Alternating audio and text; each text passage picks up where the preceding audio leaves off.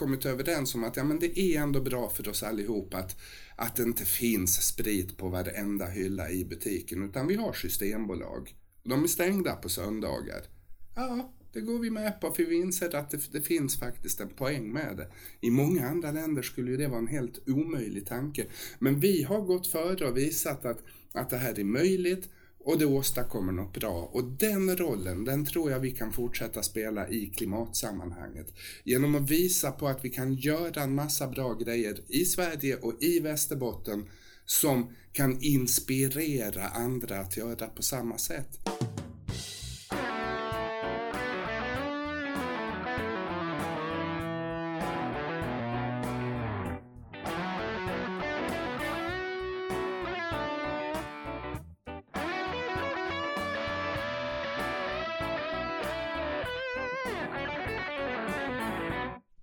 Lyssnar på en podd från Länsstyrelsen i Västerbotten där vi gör nedslag i den mångfacetterade palett av kunskapsområden som medarbetarna på Länsstyrelsen jobbar med dagligen. Idag ska vi behandla klimatfrågan som, trot eller ej, ett relativt nytt sakområde på just Länsstyrelsen. Jag heter Tommy Forsgren och är klimatkommunikatör. Med mig har jag Elin Söderberg, klimatsamordnare och Peter Sköld, professor och föreståndare för, U för Arkum vid Umeå universitet. Men även en av Länsstyrelsens nuvarande tre klimatambassadörer. Välkomna! Tackar, tackar! Tack, tack! Du, om vi börjar med dig Elin. Beskriv kort vad en klimatsamordnare gör. En klimatsamordnare jobbar med hela länet, med eh, alla kommuner, företag, andra organisationer, regionala organ eh, för att bistå, främja, lediga, samordna arbetet med att komma framåt. Eh, jag jobbar ju mest då med minskad klimatpåverkan, att vi ska minska utsläppen och så har vi också en klimatanpassningssamordnare som jobbar med samma sak men för att anpassa samhället till den klimatförändring som sker. Just det. Och du Peter, du leder arbetet här vid Arkum på Umeå universitet där vi sitter och spelar in idag. Vad står Arkum för? Vad är det ni gör? Ja, Arkum står för Arktiskt centrum vid Umeå universitet och vi firade alldeles precis här vårt femårsjubileum så vi har inte funnits så länge. Eh, men vi är helt klart universitetets respons på de stora utmaningar som ligger framför oss och där Arktis spelar en stor roll. Du är även klimatambassadör tillsammans med eh, Per Elofsson och eh, Elin Johansson. Vad, vad innebär rollen som klimatambassadör?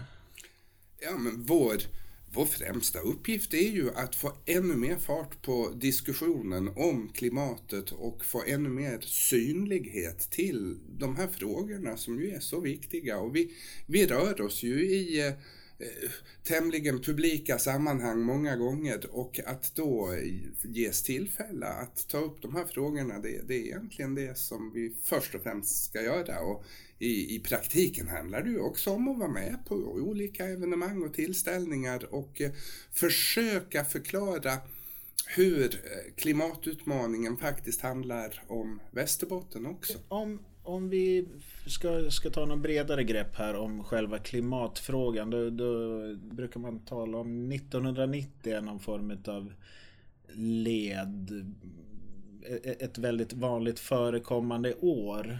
Ehm, vad, vad, vad är det som är så, så speciellt med, med tidigt 90-tal? Jag tror att det kommer från eh, nationell eller internationell nivå. Eh, vi hade ju en stor konferens i Rio 1992 och där etablerades FNs United Nations Framework Convention on Climate Change eh, som som är sen den basen som det som vi pratar om Köpenhamns eh, klimattoppmötet och klimattoppmötet i Paris och eh, alla de grundas på det som man kom fram till 1992. Eh, och det var också då som man började prata om att länder ska mäta sina klimatutsläpp. Så att det, det liksom basår som låg nära till hands då var 1990. Så sen dess finns ganska mycket data på nationell nivå som är någorlunda ehm, samma skärning, alltså att man har samma mäter på samma sätt. Så därför är det, hörs det årtalet väldigt mycket. Eh, men, men då om, det, om vi pratar 90-tal, tidigt 90-tal, det är nästan 30 år sedan. Om, om, vi då har varit medvetna om den här problematiken i, i tre decennier. Va, va, hur, hur, har vi lyckats försätta oss i den här situationen där, där det faktiskt inte har skett några större framsteg på, på 30 år? Mm. Alltså, det grundas ju i egentligen ända från den industriella revolutionen på sent 1800-tal och så där vi har byggt upp samhället kring ett fossilberoende. Alltså vi är otroligt beroende av olja, kol och naturgas eh, och har utvecklat, byggt upp våra samhällsstrukturer, hur vi planerar städer, hur vi producerar saker, Eh, hur vi transporterar oss att, att kunna mötas andra människor och utbyta erfarenheter och, och perspektiv eh, baseras på den här, det här fossilberoendet. Eh, kunskapen om klimatförändringen har ju dessutom funnits längre än 1990-tal. Men då börjar den liksom komma upp på agendan lite grann på internationell nivå och jag skulle säga också ett, ett stort datum tycker jag är 2007 när FNs internationella klimatpanel i PCC eh, som samlar forskning från hela världen eh, släppte sin fjärde syntesrapport så de hade ju släppt tre tidigare men den fjärde den fick ganska mycket medialt genomslag. Då var det mittuppslag i dagspressen i, i Sverige och sådär. Så, men, men vi har, världen har varit medvetna om, om problematiken relativt länge. Hur, vad, är, vad är er bild? Hur, hur stå, vart står vi nu liksom på både ett globalt, nationellt och, och, och regionalt plan? Jag upplever att vi nu har eh, nu har det, alltså det är ju problemet med klimatförändringen är ju att forskarna och man har kunnat läsa i rapporter vilka negativa konsekvenser klimatförändringen ger.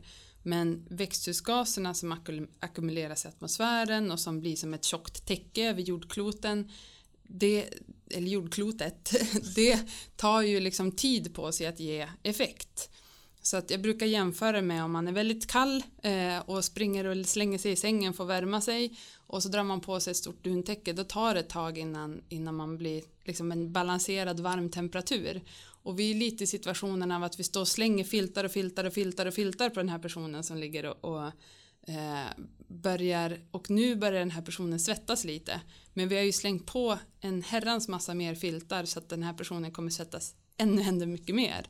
Eh, och den här fördröjningen av effekterna gör ju att det, det är liksom svårt att det känslomässigt landar hos oss eh, att de här negativa konsekvenserna förrän vi börjar se det med ena ögon.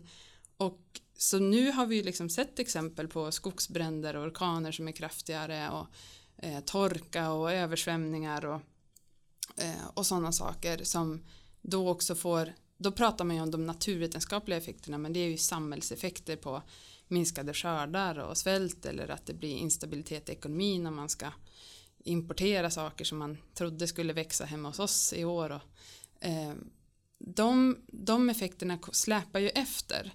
Så att nu börjar vi se de effekterna som man liksom kunde läsa i rapporterna på 90-talet. Eh, och även om vi skulle liksom nu ha drastiska åtgärder så kommer vi fortsätta se mer negativa effekter på grund av den, de utsläppen vi har gjort sedan dess. Eh, men, men nu börjar det här landa hos människor. Så jag skulle säga att det där vi befinner oss idag är att många har börjat komma på banan. Att börja göra saker. Börja tänka att det här, det här måste, det finns liksom inga alternativ. Vi måste ställa om till till ett fossilfritt samhälle och ett klimatsmart samhälle och klara det här på ett eller annat sätt. Men jag upplever att nu det, det många aktörer som jobbar med klimatfrågan som jag är, behöver göra det är att kommunicera gapet mellan det vi gör och vad som krävs. Eh, att man har börjat komma på banan och, och liksom fira de här framgångarna. Att ja men nu solelen är billigare och, och nu börjar det komma krav på fossilfria eller fordon som kan drivas förnybart på marknaden och sånt där. Men för att, för att klara liksom, eh, Parisavtalet och nationella mål och sådär så behövs otroligt mycket mer. Så just att, att liksom fira att vi är på banan och samtidigt vara väldigt tydlig med att kommunicera gapet mellan vad som görs och vad som krävs. Det är lite där vi befinner oss nu skulle jag säga. Du Peter, med din, med din expertkunskap på, på Arktis, hur, hur, hur, hur mår de under alla dessa filtar? Ja, liknelsen är jättebra för eh, Arktis är ju en indikator på hur egentligen hela världen mår och Arktis eh, är absolut inte i toppform. Eh, det på, händer eh, besvärande saker i Arktis. Och, och, och, det vi mäter det på, det, det forskningen först och främst ser det här på, det, det är ju isarna eh, naturligtvis. Och det, det vet vi och det har vi vetat länge att de krymper. Och vi vet att varför de krymper eller smälter. Och vi vet att konsekvenserna av smältande isar på lite sikt kan bli fullkomligt förödande för oss med stigande havsnivåer och samhällen som kommer att läggas under vatten i kombination med alla de här naturkatastroferna som följer. Då. och det där har, vi har ju vetat egentligen eh, ganska väl under lång tid att det här pågår, men det är som Elin säger att det finns en tidsfaktor i det här som, som på något sätt innebär att, att vi behöver ganska lång tid för att få bitarna på plats. För här är det inte bara den enskilda människan utan det är också samhällssystemen som vi bygger Eh, både vad gäller ekonomier och marknader men också lagstiftningar. Och här har på olika områden då tiden så att säga blivit mogen att ta nästa stora steg för att, att förändra det här. Och det är väl synd att det ska behöva vara så men jag tror att den här tiden har behövts. Och nu är ju också den mediala uppmärksamheten betydligt större och det är jag helt övertygad om spelar en rätt stor roll. Du, ni, ni båda jobbar ju utifrån den, den, kunskap och vetenskap som finns tillgänglig just nu. Och jag tänkte att vi ska prata lite grann om just kunskap och vetenskap. Vi ska lyssna på ett kort klipp eh, på en man som inte gjort sig känd för, för att lyssna särskilt mycket till vetenskapen. I am fighting every day for the great people of this country. Therefore, in order to fulfill my solemn duty to protect America and its citizens, the United States will withdraw from the Paris Climate Accord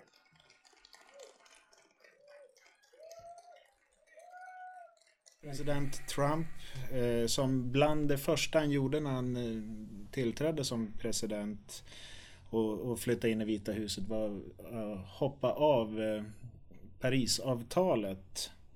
Och, och då, då är min fråga, liksom kunskap, vetenskap, Vet vi inte liksom tillräckligt för att börja handla eller behöver vi mer forskning?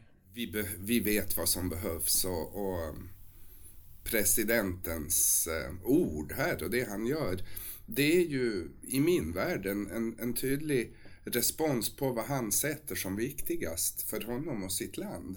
Och det är inte att ha eh, ett hållbart klimat utan det är att ha en så stark marknad som möjligt till vilket pris som helst.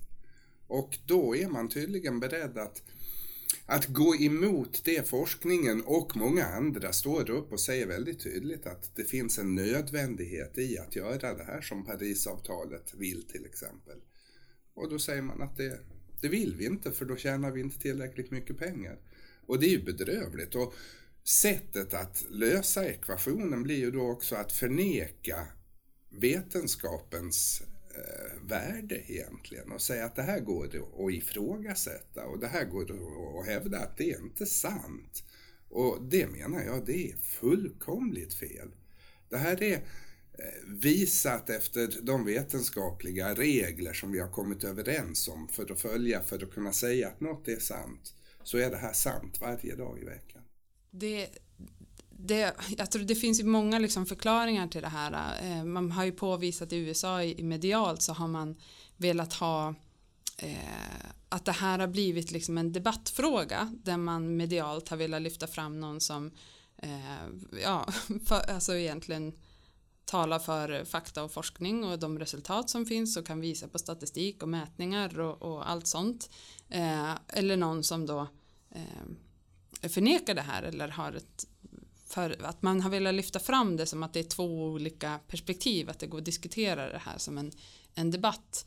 Vilket har gjort att bilden liksom medialt i USA har blivit att det är en är, är inte en fråga om fakta utan en fråga om tro eller upplevelse av att någonting sker. Eh, vilket såklart påverkar befolkningen hur man uppfattar den här frågan.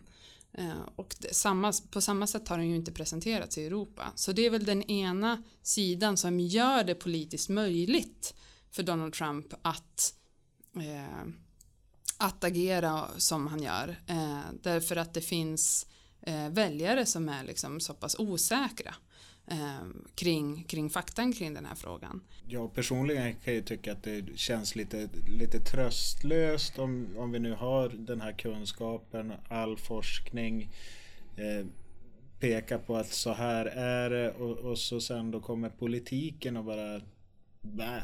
Men politiken är jätteviktig och inte minst den internationella politiken eh, är helt avgörande skulle jag vilja säga. Klimatavtalen som det är i Paris är själva det fundament vi behöver för att skapa en global förändring. Då måste de här stora länderna, inte bara USA utan väl så mycket Kina och Indien också, kliva med. Och, och, och de sitter ju med en politisk utmaning, de vill behålla makten allihop. Mm. De har lovat till Kina sina medborgare att de ska få ett välstånd som ligger i linje med vad vi har i väst idag. Och det enklaste och snabbaste sättet för dem att göra det, det är att bygga ut kolkraften i nordvästra Kina till exempel. Pumpa ut kol där och se till att vi använder det. Då kommer det inkomster till den här regionen som gör att de får det här välståndet. Men priset som de och vi andra får betala är jättestort. Och det man märker där det är ju att det är många länder, eh, alltså klimatfrågan kan ju, i och med att man har de här eftersläpningseffekterna då och att konsekvenserna blir globala och så blir det indirekta effekter på alla möjliga sätt. Eh, så, så märker man ju att där det snabbare kan hända saker det är ju när folk märker att man får jättedålig luft. Alltså de lokala miljökonsekvenserna av användning av fossil energi kan vara en enklare motivator liksom att eh, få bort den fossila energin och sen så får bli liksom klimatnyttan sekundär nästan. Eh, men jag tycker också eh, när man pratar om Donald Trumps agerande och den här politiska drivkraften och hur viktig den är då tycker jag också man ska nämna den, den internationella reaktionen på det här uttalandet där det kanske för många varit också enklare eh, att paketera strukturera det här i sitt huvud när man har en klimatbov. Liksom. Att någonting att förhålla sig till. Alltså vi, vi människor vill gärna ha saker i dikotomier, alltså två motstående poler så kan vi lättare strukturera det, förhålla oss till saker i vårt huvud. Eh, så att jag tyckte det var ganska tydligt att när, när Donald Trump eh, meddelade det här att de ville kliva av Parisavtalet då samlades liksom internationella företrädare och sa att vi står minsann fast, det här är jätteviktigt och man ville nästan flytta fram sina positioner att, eh, istället. Så att det, alltså, i lång sikt så skulle det kunna vara liksom, eh, nästan positivt att det blir mer alltså politisk internationell prestige att, att visa att man ligger, går före här när det finns någon som är motsträvare det. Men, men det är liksom på, på det globala, om, om vi kokar ner det till, till det nationella och lokala. Jag tänker mig att det, det är väldigt lätt att här som svensk liksom tänka att vi är ett litet land, Västerbotten, ännu mindre region.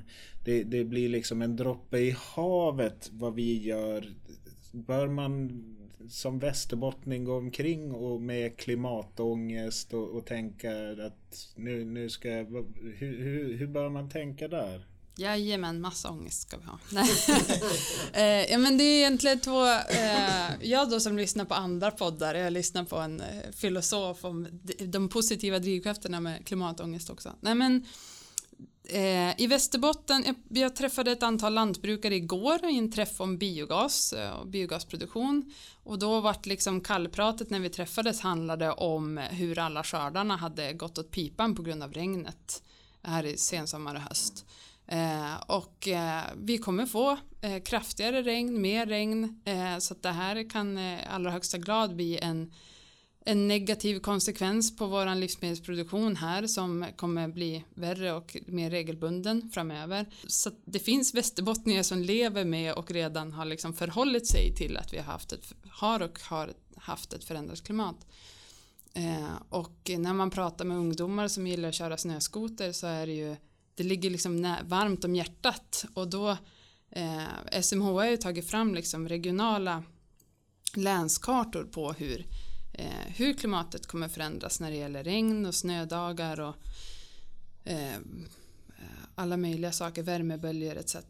Och eh, när man då ser att det kommer inte kanske finnas någon möjlighet att, att pimpla eller köra snöskoter då då kommer det ju närmare liksom emotionellt att den här klimatförändringen påverkar oss i vårt vardag. Så det är den ena sidan.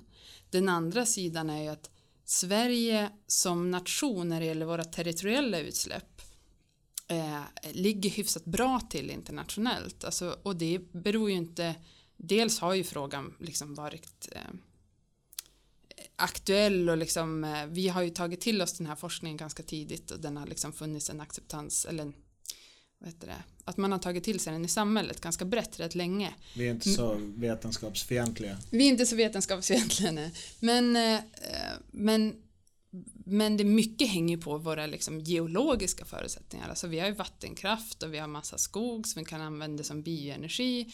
Eh, och så har vi haft, eh, hade vi, byggde vi ut kärnkraften tidigare. Så vi har ju vår fossila energianvändning är ju liksom i stor utsträckning transportsektorn Eh, där vi importerar då fossil energi och en del, i, en del i industrin. Eh, så att våra konsumtionsbaserade utsläpp, alltså vad vi köper, mat och eh, hus, stora hus och, och bilar och flygresor och eh, elektronikprylar och så vidare. Det den utsläppen från vår konsumtion har legat ganska stabilt och ganska högt eh, och den har inte minskat. Så att och det märker man ju då att många medborgare känner att ja, men jag som person släpper ut mycket. Vad, vad kan jag göra? Och jag tror att det är där mycket klimatångesten kommer in. Och tyvärr, är, hittills har ju den sidan landat ganska mycket på individens axlar. Eh, och det kan ju vara tufft. Så att, eh, det är ju den här balansgången med, med att man har en underifrån drivkraft, att människorna vill göra någonting också, de här politiska Eh, Eh, ledarskapet och där har vi ju fått eh, tydliga långsiktiga mål nu eh, det här året om netto noll 2045 och att fossiloberoende fordonsflotta 2030 och sådär. Eh, men konsumtionssidan finns det inte samma politiska mål och styrmedel kring och det tror jag att många människor känner eh, liksom ett ansvar för. Så att det är en fråga som jag tror kommer aktualiseras mer framöver. Ja, det, där kan man ju tänka på. Det, det skedde väl någon förändring här för inte så länge sedan. Bara genom handeln och, och jag tänker något man bär hem varje dag nästan. Plastpåsar är, är väl ett ganska bra exempel där på hur man på ganska kort tid blir, bli väldigt medveten. Nej, men man ska ju på något sätt betala nu för plastpåsar. Och jag ser det som ett alldeles utmärkt exempel på hur vi med relativt små enkla medel kan skapa förändring. Och precis som Elin säger, det är ju inte så att det är Sverige som är den största utsläppsboven globalt sett. Så det är inte där vi kan kanske spela den viktigaste rollen, utan ser man tillbaka i tid vad Sverige har varit internationellt så har vi ju uppfattats av många som ett föregångsland. Vi har varit först med att göra en del bra grejer. Vi, vi var bland de första att bygga ett välfärdssamhälle med ett socialt skyddsnät och ett, ett väl fungerande samhälle egentligen för medborgarna som har inspirerat jättemånga andra länder när de har försökt bygga upp sina system. Eh, och vi har också visat, och då kan vi gå långt tillbaka i tiden, hur, hur vi som bor i Sverige faktiskt har en förmåga att, att vara pragmatiska. Om någon talar om för oss att nu har vi ett förslag här, en idé som är bra för oss alla. Eh, den kräver eh, att man får ta sig över en tanketröskel kanske, ett visst motstånd. Eh, men vi lovar, det är bra. Och då har vi i Sverige varit väldigt villiga på att gå med på det. Om det då handlade om att införa vaccination till exempel, det förstod vi att det här är ju bra för oss och för alla andra runt om i världen. Och så började vi vaccinera långt, långt före de flesta andra länder. Ehm, ta alkoholpolitiken, hur vi faktiskt har kommit överens om att ja, men det är ändå bra för oss allihop att, att det inte finns sprit på varenda hylla i butiken utan vi har systembolag. De är stängda på söndagar. Ja, det går vi med på för vi inser att det, det, finns faktiskt en poäng med det. I många andra länder skulle ju det vara en helt omöjlig tanke. Men vi har gått före och visat att, att det här är möjligt och det åstadkommer något bra. Och den rollen, den tror jag vi kan fortsätta spela i klimatsammanhanget. Genom att visa på att vi kan göra en massa bra grejer i Sverige och i Västerbotten som kan inspirera andra att göra på samma sätt. Och att vi då samsas runt någon slags värdering eller värdegrund där vi eh, är överens om vad är det för samhälle vi vill ha? Hur ska det se ut? Hur ska det, hur ska det förbruka, förbränna och eh, fungera i slutändan? Och jag är helt övertygad om att vi kan komma med jättemånga bra lösningar, både politiska och tekniska lösningar eh, som kommer att spela en stor roll. Och bara för att koppla till det du sa om om ångesten här. Jag tror inte vi i Västerbotten förstås ska ha den största ångesten naturligtvis. Men det kommer grejer i svallvågorna av det här som faktiskt ska göra oss bekymrade. Och förutom det Elin säger så kan man visa på hur nya sjukdomar, virus och bakterier följer i de stigande temperaturernas spår. Och vi ser ju idag vad ett krig i Syrien innebär i termer av flyktingströmmar. Det är ju ingenting jämfört med det som kommer att hända om de värsta konsekvenserna av temperaturhöjningarna blir verklighet. Det är inte en promille av det vi kommer att se. Och vi märker ju det i Västerbotten. Vi får ju också ställa upp och hjälpa till.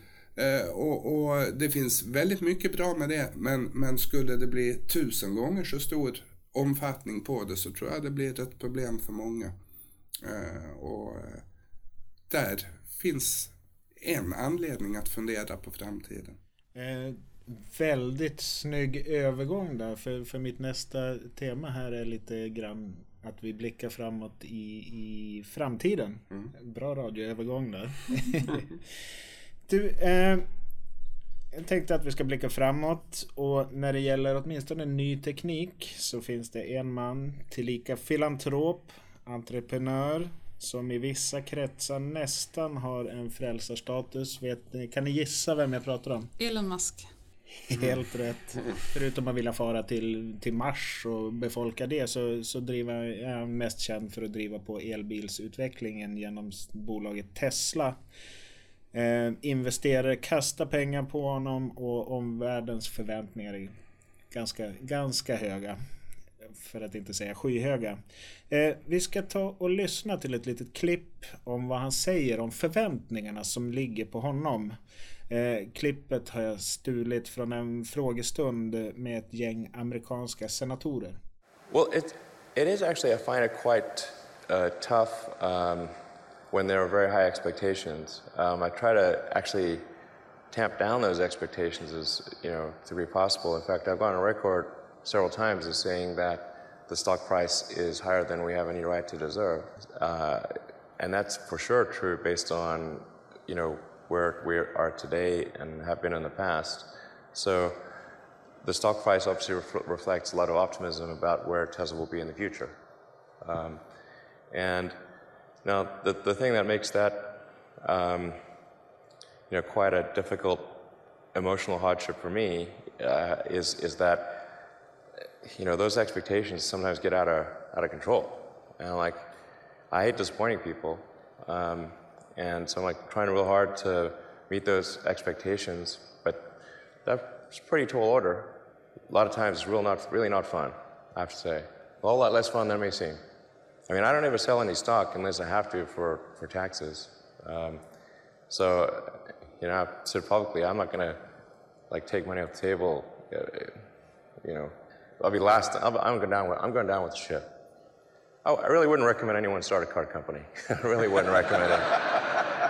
It's not a recipe for happiness and freedom.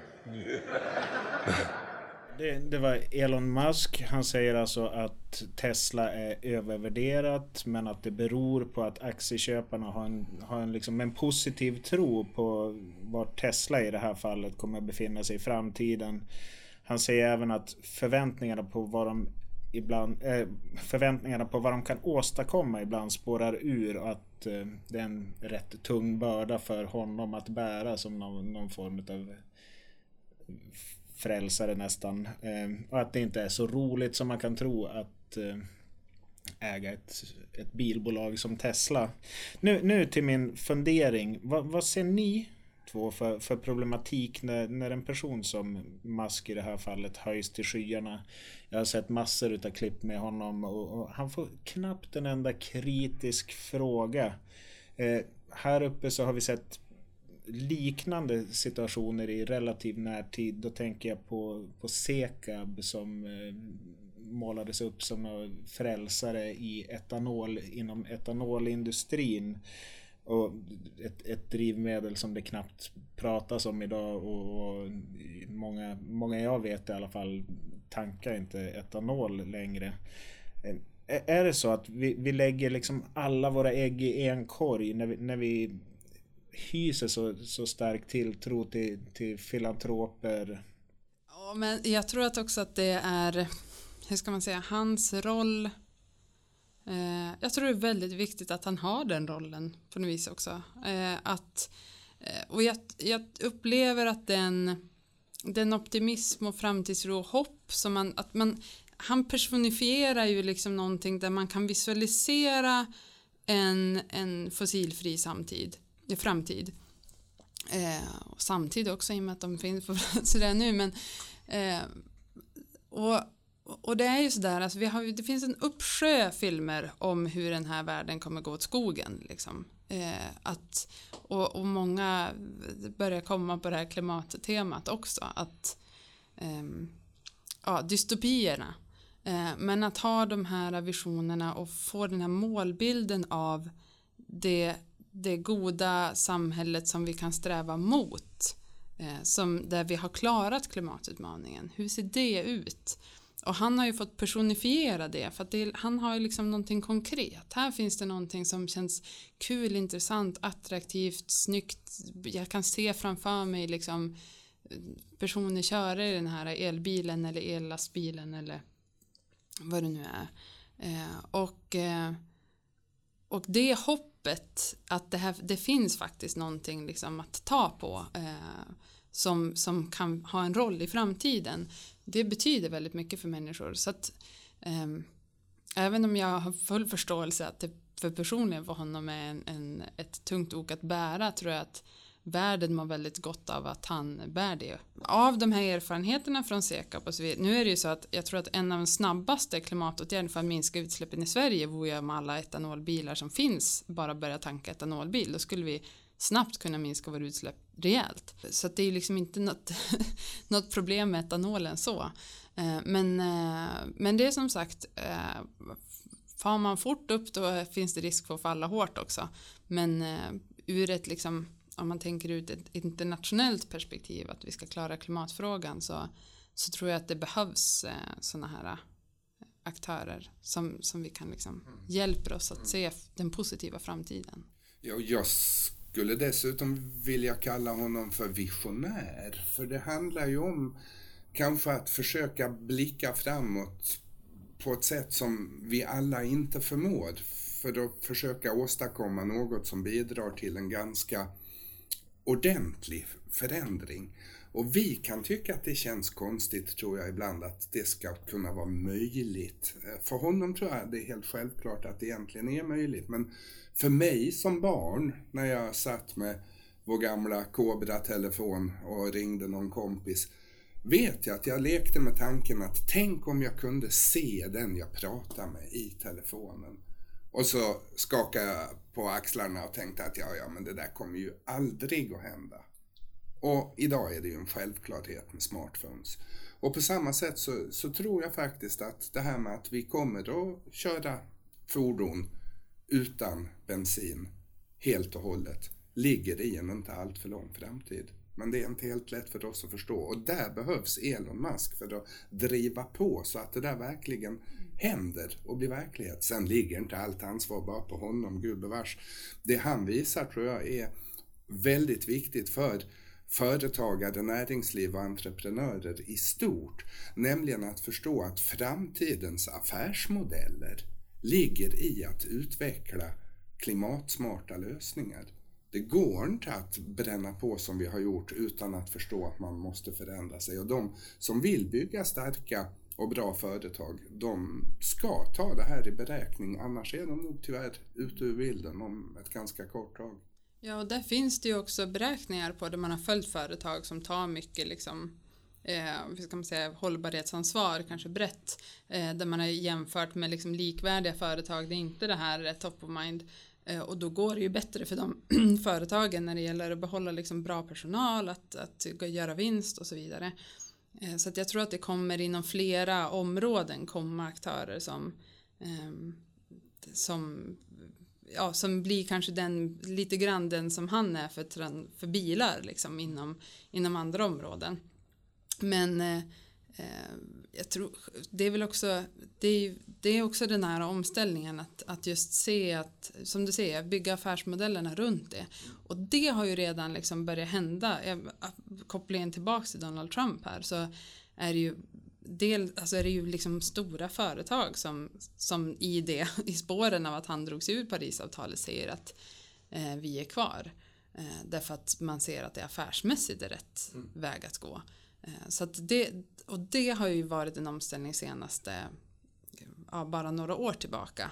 Eh, där man ser att näringslivet säger att ja, men det finns, ska du ha en långsiktig liksom, vinstmässig affärsverksamhet då, då måste du planera utifrån en framtid där vi är fossiloberoende. Jag tänker om, om, om vi tar medias roll, om, om vi kopplar tillbaka till Musk. Han, han, han blir väldigt, väldigt sällan liksom emotsagd och får någon form av kritisk fråga.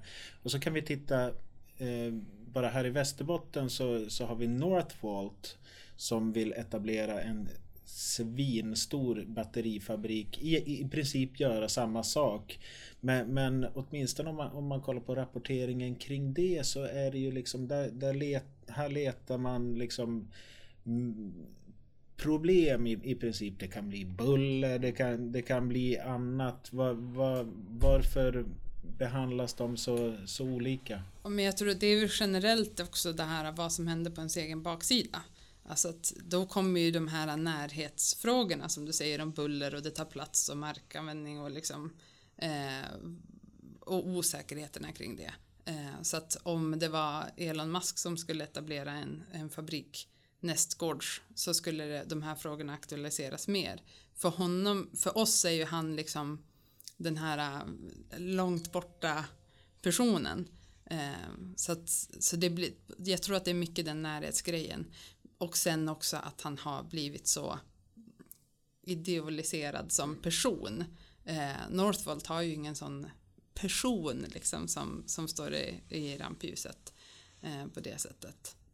Så att det är lite olika saker. Jag tror att man måste i sådana fall jämföra Northvolt-etableringen med någon fabrik som Elon Musk bygger och, och vad, hur tongångarna gått kring det. Och sen tror jag man får skilja på den mediala granskningen och den vetenskapliga granskningen. För vetenskapen eh, granskar ju kritiskt också det som Elon Musk gör. Eh, och den, den eh, grund det bygger på. För att se så att det inte finns oönskade bieffekter av, av, av det systemet. Så det känner jag mig ganska trygg i att fanns det en hotbild i själva systemtänket här, då skulle vetenskapen se till att den kom fram. Mm. Eh, media å sin sida kanske inte granskar det så kritiskt än så länge för nu är det en fas där, där Elon Musk är lite profeten eller superstjärnan och eh, de brukar generellt inte få så mycket kritik. Det är lite som Zlatan Ibrahimovic eh, eh Eh, står ju också fri från sånt här. Va? Så blir man upplyft till den positionen då, då, då blir det lätt så här. Eh, det, det, är inget konstigt. Däremot tror jag att den här mediala uppmärksamheten är jätteviktig för att få oss enskilda individer att, eh, att tänka till. Att, att helt enkelt fatta galoppen. För det är mycket det det är frågan om nu och då behövs inte minst det mediala för det, det formar oss väldigt mycket idag. Jag tänkte att vi ska kort prata om 2030-målet. Vad är det Elin? 2030-målet är att vi i Sverige ska ha en fossiloberoende fordonsflotta 2030. Det innebär att vi ska minska utsläppen från transportsektorn med minst 70 procent jämfört med 2010. Som det ser ut nu, är det rimligt att tro att vi når dem? Eh, ja, det skulle jag säga. Eh, det är rimligt, men eh, det krävs arbete på det stora hela så, så är liksom bilden av att vi, vi har mål vi ska jobba mot men det har gått lite för långsamt. Kanske, jag, jag skulle vilja påstå att vi, vi ligger efter när, när det gäller att nå de här uppsatta målen. Va, vad krävs? Ja, det krävs mycket naturligtvis. Det krävs dels en vilja, eh, inte minst ifrån politiskt håll. Eh, jag tror det krävs lagstiftning. Eh, visst, vi kan som individer ändra på mycket av hur vi lever och gör, men vi är också satta under ett legalt system som styr mycket och jag tror att eh, politiken är mogen nu att fatta de ganska häftiga beslut som måste till för att eh, ge förutsättningarna. Eh, så, så, så det spelar en stor roll faktiskt. Och då ska man ju komma ihåg att det är ju vi tillsammans som bestämmer vilka som ska sitta i riksdagen. Så det faller ner på ett individuellt ansvar i slutändan också det. Ja, på Länsstyrelsen har jag att arbeta med liksom de besluten som är fattade i riksdagen av regeringen eh, och de förutsättningar, det mandat som finns här på regional nivå och i kommunerna i länet. Eh, och där har det ju kommit flera eh, styrmedel när det gäller till exempel transportsektorn om eh, bonus malus som kommer och reduktionsplikten, alltså att man ska blanda i mer och mer biodrivmedel i den diesel och bensin som försäljs i landet eh, och eh, ja, elcykelpremier och, och, och, så vidare. Klimatklivet som är ett investeringsstöd som vi tar emot ansökningar på Länsstyrelsen Eh, Eh, det, det, och klimatklivet kan gå till alla typer av investeringar som minskar utsläpp av växthusgaser. Så det, det, det, kom, det finns liksom verktyg nu att jobba med regionalt. Jag tror att det som behöver ske som du frågade efter det var ju det tänker jag är mycket att planera utifrån framtiden istället för att planera utifrån historien. Alltså vi har levt eh, senaste 10 000 åren när vi har byggt upp vår civilisation och allting så har vi levt i ett extremt stabilt klimat i planetens historia sett med plus minus en grad som variation. Och då har man kunnat titta på ja, men hur har vi byggt staden tidigare? Ja, men det där funkade, då bygger vi den likadan i år, likadant i år. Hur har vi, vilka, vad har vi sått och vilka skördar har vi haft i fjol? Ja, men då gör vi likadant eller förfinar det lite grann till nästa år. Eh, men nu är vi i en sån enorm omställning när det gäller klimatfrågan att vi måste tänka okej, okay, hur ser samhället ut 2050, 2000 eh, och vilka förutsättningar finns 2050 och 2000? Hur ska vi då planera samhället idag? Och det, det upplever jag när jag är ute och jobbar med aktörer i länet är liksom den stora eh, omställningen för oss som, som jobbar med samhällsutveckling att, att börja planera utifrån framtiden istället för utifrån historien. Peter var inne på det lite tidigare eh, men, jag skulle vilja, vilja ställa frågan. På, på vem ligger ansvaret att, att vi faktiskt nu växlar upp den, vår beteendeförändring? Är det, ligger det på det personliga planet? Är det politiskt eller är det Elon Musks ansvar? Eh, ensam är inte stark. Jag skulle säga att det är allas. Alltså för i och med att det här är en fråga som går in i nästan allting. Jag skulle säga eh, att när det handlar om det individuella ansvaret att titta på sig själv som medborgare och, och liksom alla olika kollektiv eller som man är, är med i och vad man har inflytande över än bara sig själv som konsument. Ehm, den drivkraften tror jag är viktig. Um, ja. Hörrni, avslutningsvis 2018, nytt år, nya möjligheter. Vad ser ni fram emot mest? Jag ser fram emot att den här utvecklingen som jag ändå tolkar som positiv eh, förstärks och fortsätter. Och precis som Elin, jag är övertygad om att förutsättningen för att den ska kunna göra det, det är att vi har visioner om inte bara 2018 utan ännu längre fram i tiden.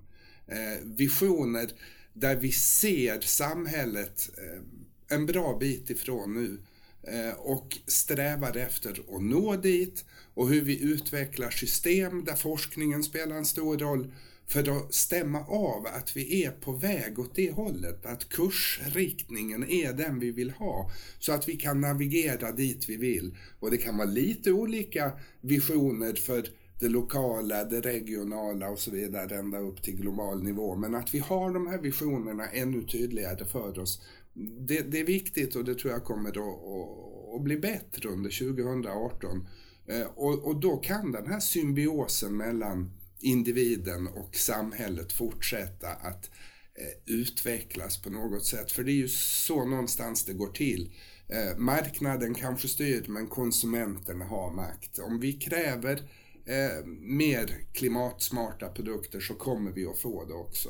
Eh, om vi kan inordna oss i de lagar och regelverk som behöver sättas upp så kommer vi också lyckas. Jag är helt övertygad om att vi kan det.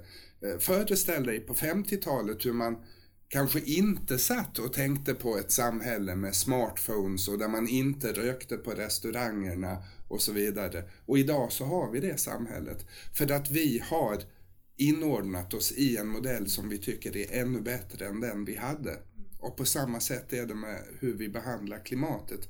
Vi måste in i en modell och en vision som är ännu bättre än den vi har idag. Jag tycker det är intressant den eh, kopplingen du gör med, med de, föränd de stora förändringar vi faktiskt har genomgått.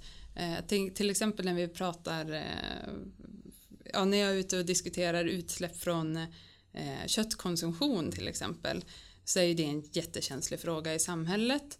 Eh, och vi har lätt att se det som en status quo, att så som vi har det nu så har det alltid varit. Eh, och men tittar man bakåt i tiden på statistik så har vi ökat vår köttkonsumtion med 45 procent, eh, 45 procent sedan tidigt 90-tal medan produktionen har minskat något i Sverige. Vi importerar ju mer då.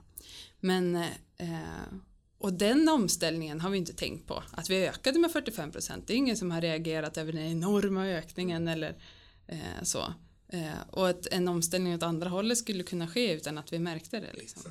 Men men eh, det jag ser fram emot näst, mest nästa år det är ju att vi kommer dra igång ett projekt på Länsstyrelsen som heter Fossilfria transporter i norr. Där vi jobbar konkret med alla 15 kommuner i länet Eh, med att ta fram handlingsplaner för fossiloberoende fordonsflotta i alla kommuner där vi kommer ta fram statistik och underlag så att alla kommuner vet vad, hur ser transporterna ut i vårt geografiska område eh, eh, och även liksom ta in expertis och influenser från nationellt håll för att verkligen jobba mot det här målet. Det känns jätteintressant och sen har vi också fått nya regleringsbrevsuppdrag från regeringen som jag tycker är jättespännande. Eh, att vi ska ta fram en plan för eh, laddinfrastruktur och förnybara drivmedel i hela länet. Eh, och då är det ju som sagt då inte bara el utan det finns ju andra drivmedel, biogas, vätgas, etanol nämnde du, HVO eh, och titta på det där. Eh, så, att, så att man kan eh, få upp en bild över hur skulle den här infrastrukturen se ut när vi har en transportsektor som har flera olika drivmedel. Ja, det och så att vi ska ta fram en ny klimat och energistrategi eh, de två närmsta åren. Så det ser jag fram emot. Härligt. Hörrni, på den positiva tonen tror jag vi tar och avslutar. Tack för er medverkan, att ni tog er tid att vara med. Tackar, tackar. Tack, tack.